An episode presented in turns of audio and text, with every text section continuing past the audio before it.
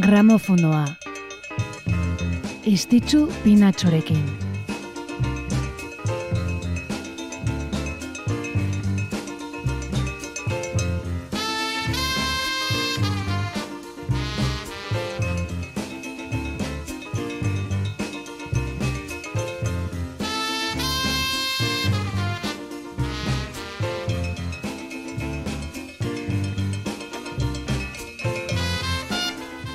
Arratxeko amarrak puntuan, Gabon, Gabon mundu guziari, naiz irratian gramofonoa, musika zaleon tartea, egita egin dezaiogun bai, tartetxo bat musikari, jakina baietz.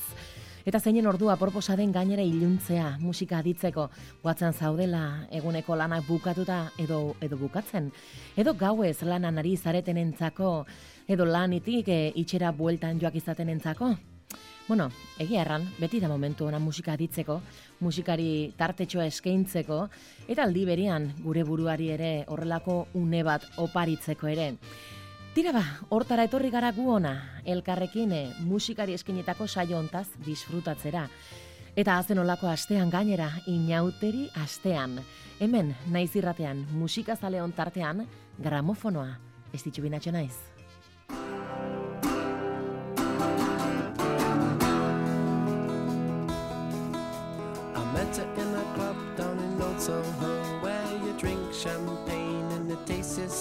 Coca-Cola. C-O-L-A Cola. She walked up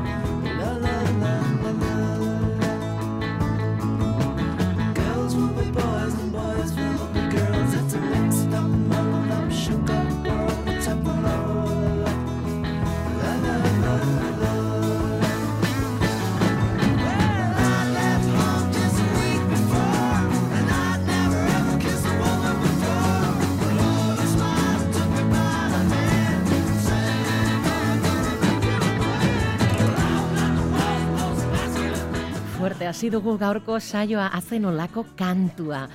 Gaur, otxailaren amabortza delako jarri dugu The Kings taldearen abesti ezagunenetakoa den Lola.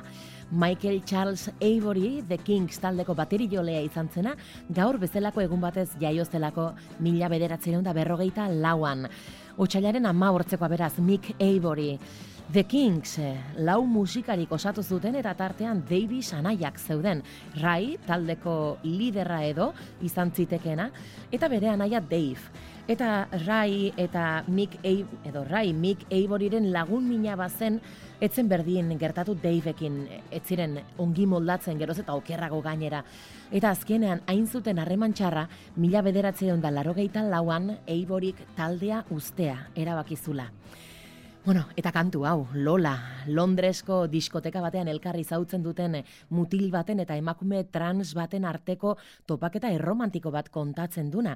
Ingalaterran homosexualitatea oraindik kriminalizatua zegon garaian idatzia. Zoragarria, Mick Avorin urtebetetzea ospatzeko. Irurogeita emeretzi urte bete ditu gaur. Eta super banda batetik bertze batera, hause da Super Trump. When I was young, it seemed that life was so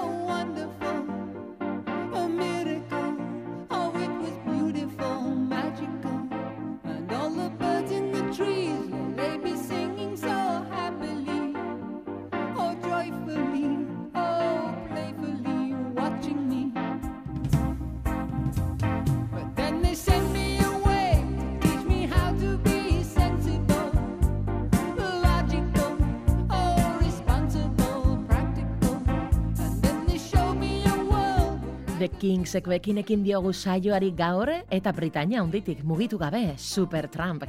Haze saio hasiera, haze bi bandatzar.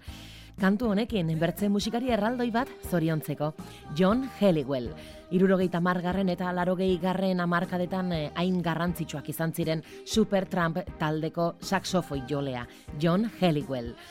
Supertrampen sartu zenerako Helliwell bi album zituzten argitaratuak hauek, arrakasta komertziala hundirik itzan ez zutenak, eh, eta horregatik taldeari bertze formatu bat ematea erabaki zuten, eh, soinu poperoagoekin, bino beti ere estilo progresibo horri eutxiz. Horrela, eh, pianoa, saxofoia eta bertzelako orkestra soinu batzuk erabili zituzten, eta orduan argitaratu zuten formazio berri honekin lendabiziko diskoa, Crime of Century. Eta honekin, eta jarraian etorriko ziren bertze lan batzuei esker, Supertrampek zuzeneko banda gisa izan zun ospea lantzen joan ziren. Oraintxe, gozatuko dugu, John Helliwellen saxoa. But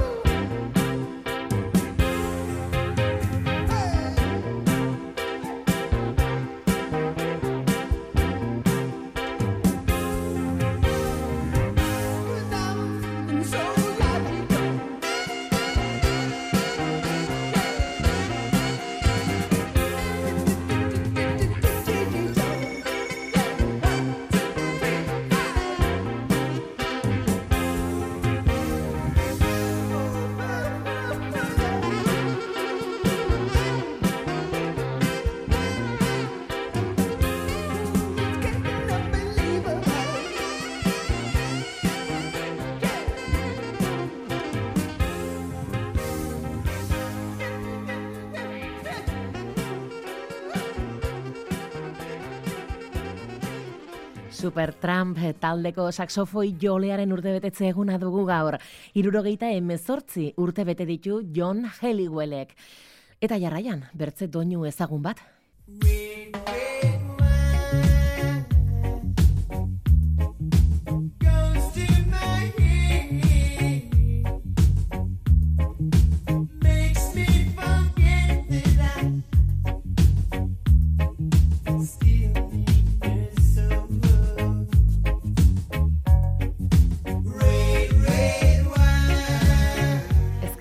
Ingalaterratik mugituko urrengo musikaria zoriontzeko.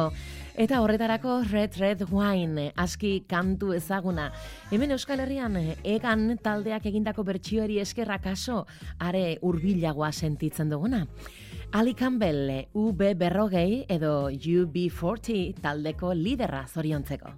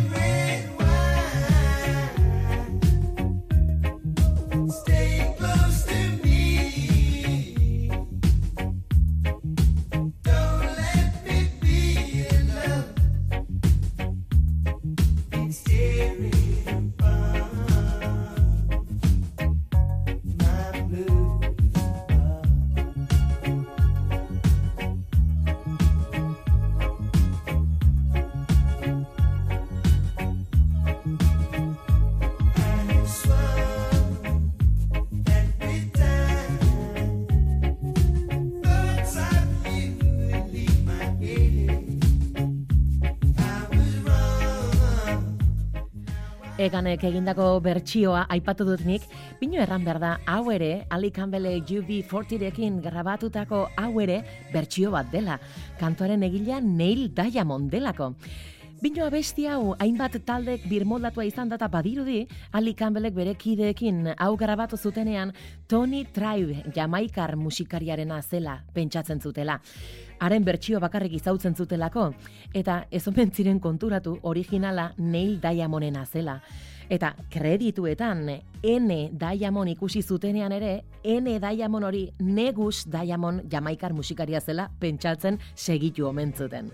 Dena dela, moldaketa honi esker sekulako salmentak lortu zituen taldeak milioitik gorakoak. Gaur, Ali Campbellen urtebetetze eguna, irurogeita lau urte musikari ingelesak.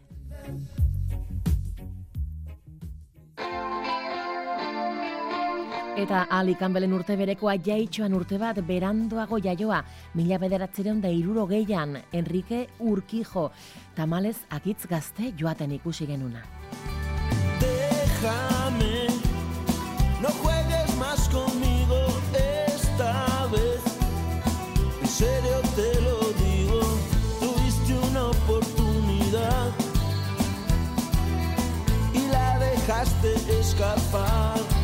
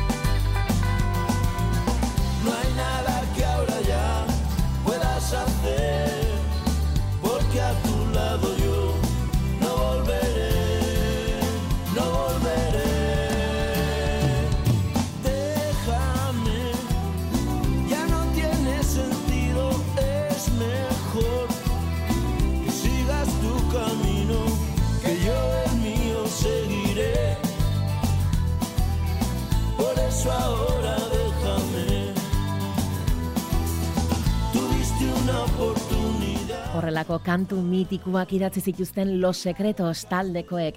Eta Enrique Urquijorena, Madrilgo mobidako eta trantsizio garai hartako gazte mugimenduko ahotsik esanguratsuenetako bat izan zen.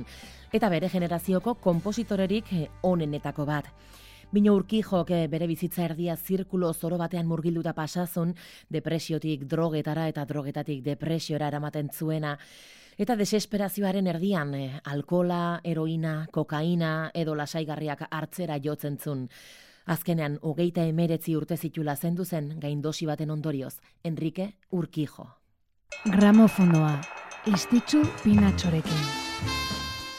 Izen handiak gogoratzen eta kantu ederrak aditzen segituko dugu otsailaren amabortzeko gramofono honetan. Orain heldu den gizon hau artista handia izan baitzen eta handia zentzu guzitan gainera.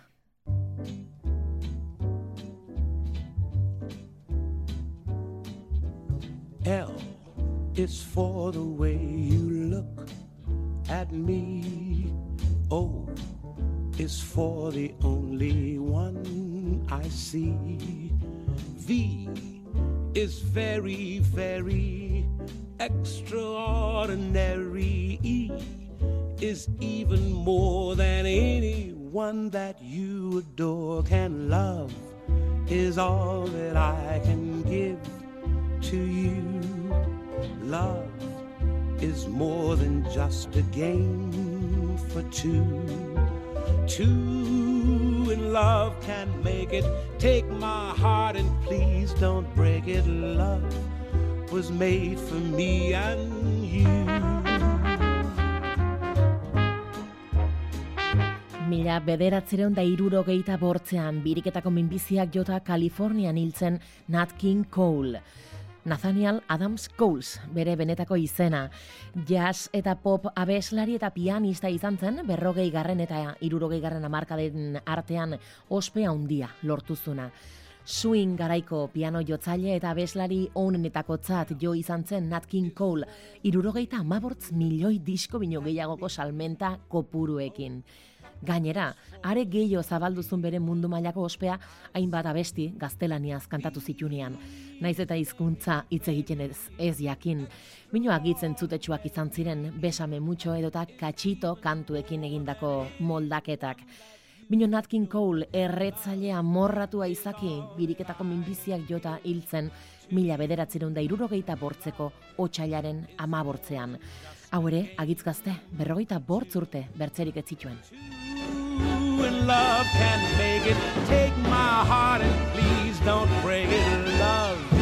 Was made for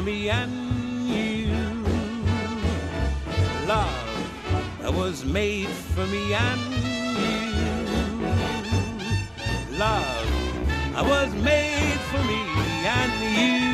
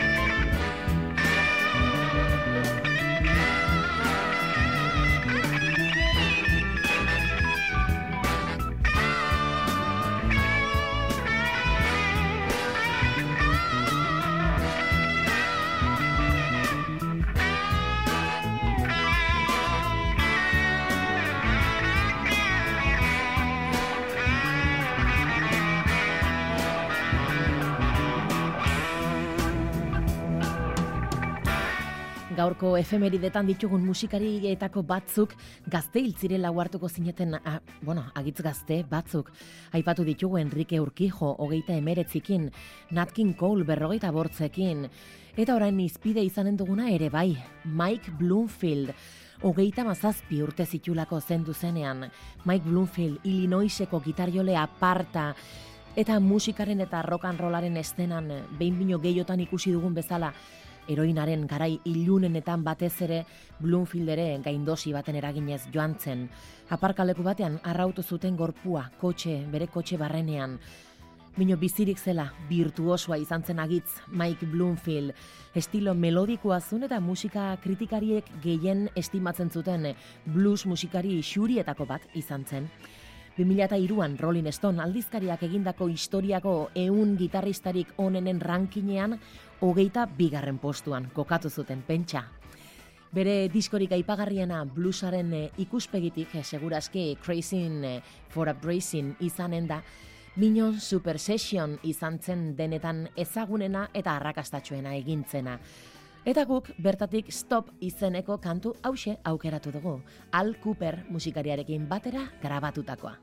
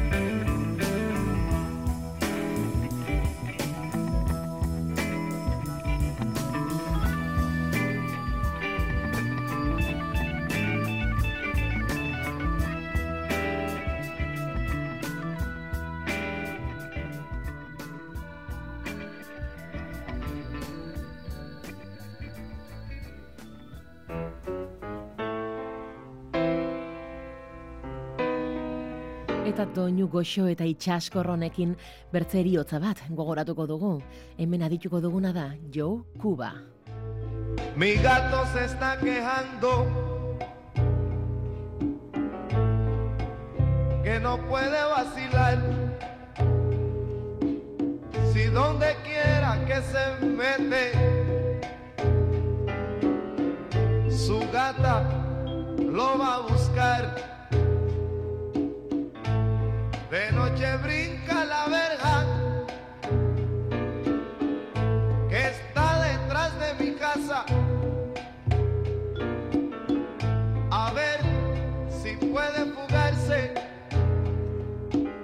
sin que ella lo pueda ver. Y no tan pronto, no tan pronto está de fiesta. Silvestre felino tiene que echar a correr. Sí es serio, mi amigo. Oye, qué lío, qué lío se va a formar. Cuando mi gatito sepa. Y es, es tan simple la razón.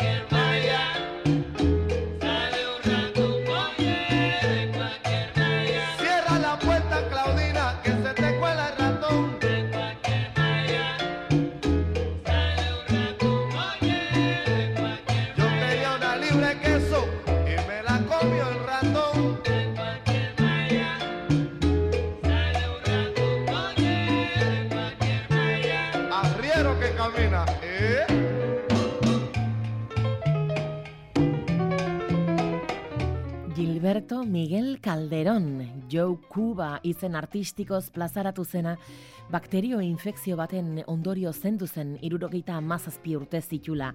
Joe Cuba bugaluaren atjatzat hartzen da, eta New Yorken jaio bazen ere Puerto Ricon izan zun jatorria. Mila bederatzerun da berrogeita malauan Joe Cuba Sextete proiektu propioa sortu zuen, hemen aditzen dugun hause, eta besti zoragarriak idatzi eta grabatu zitun. Ritmo bizikoak eta mamia unitz zuten testuekin jantziak. Talento handiko musikaria izan zen, latindar musikaren sortzailerik handienetakoa Joe Cuba.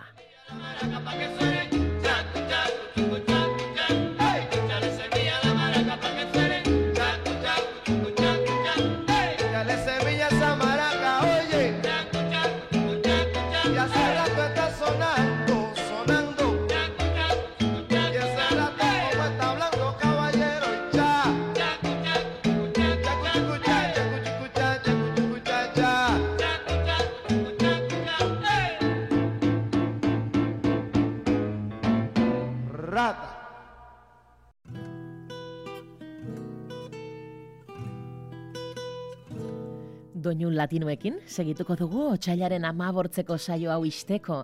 Hemen adituko duguna, Amparo Sánchez, bino ez bakarrik, Omara Portuondo handiaren laguntza izan baitzun, La Parrandita de las Santas izeneko kantu divertigarri honetan. Sueño que te estás comiendo una mojarrita que está muy salada. Sientes que viene la conga y sueltas el plato para irte a arrollar para allá. a la parranda.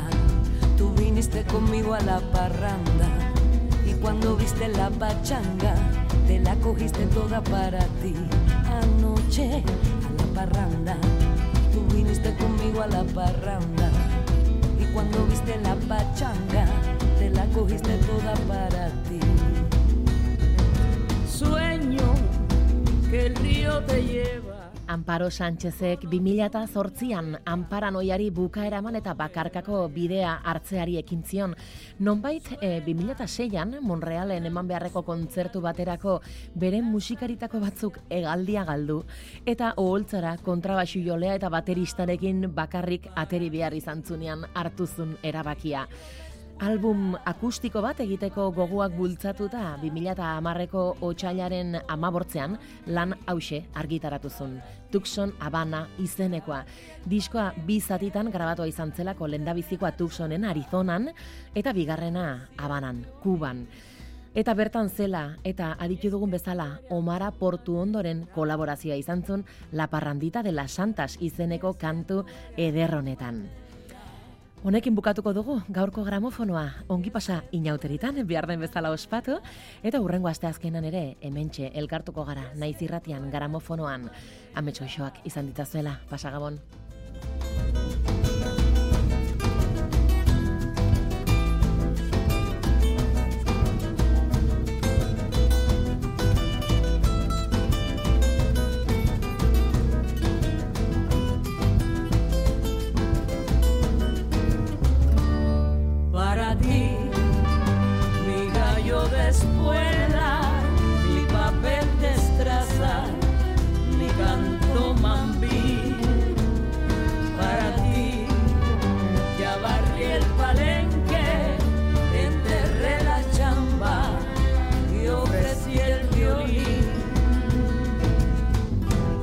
somos atribulados, o somos tribulado.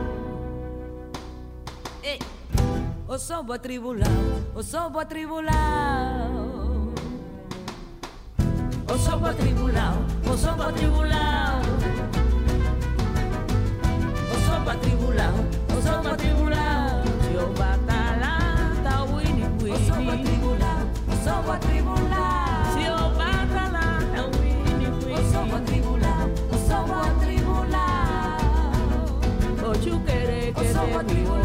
só com a.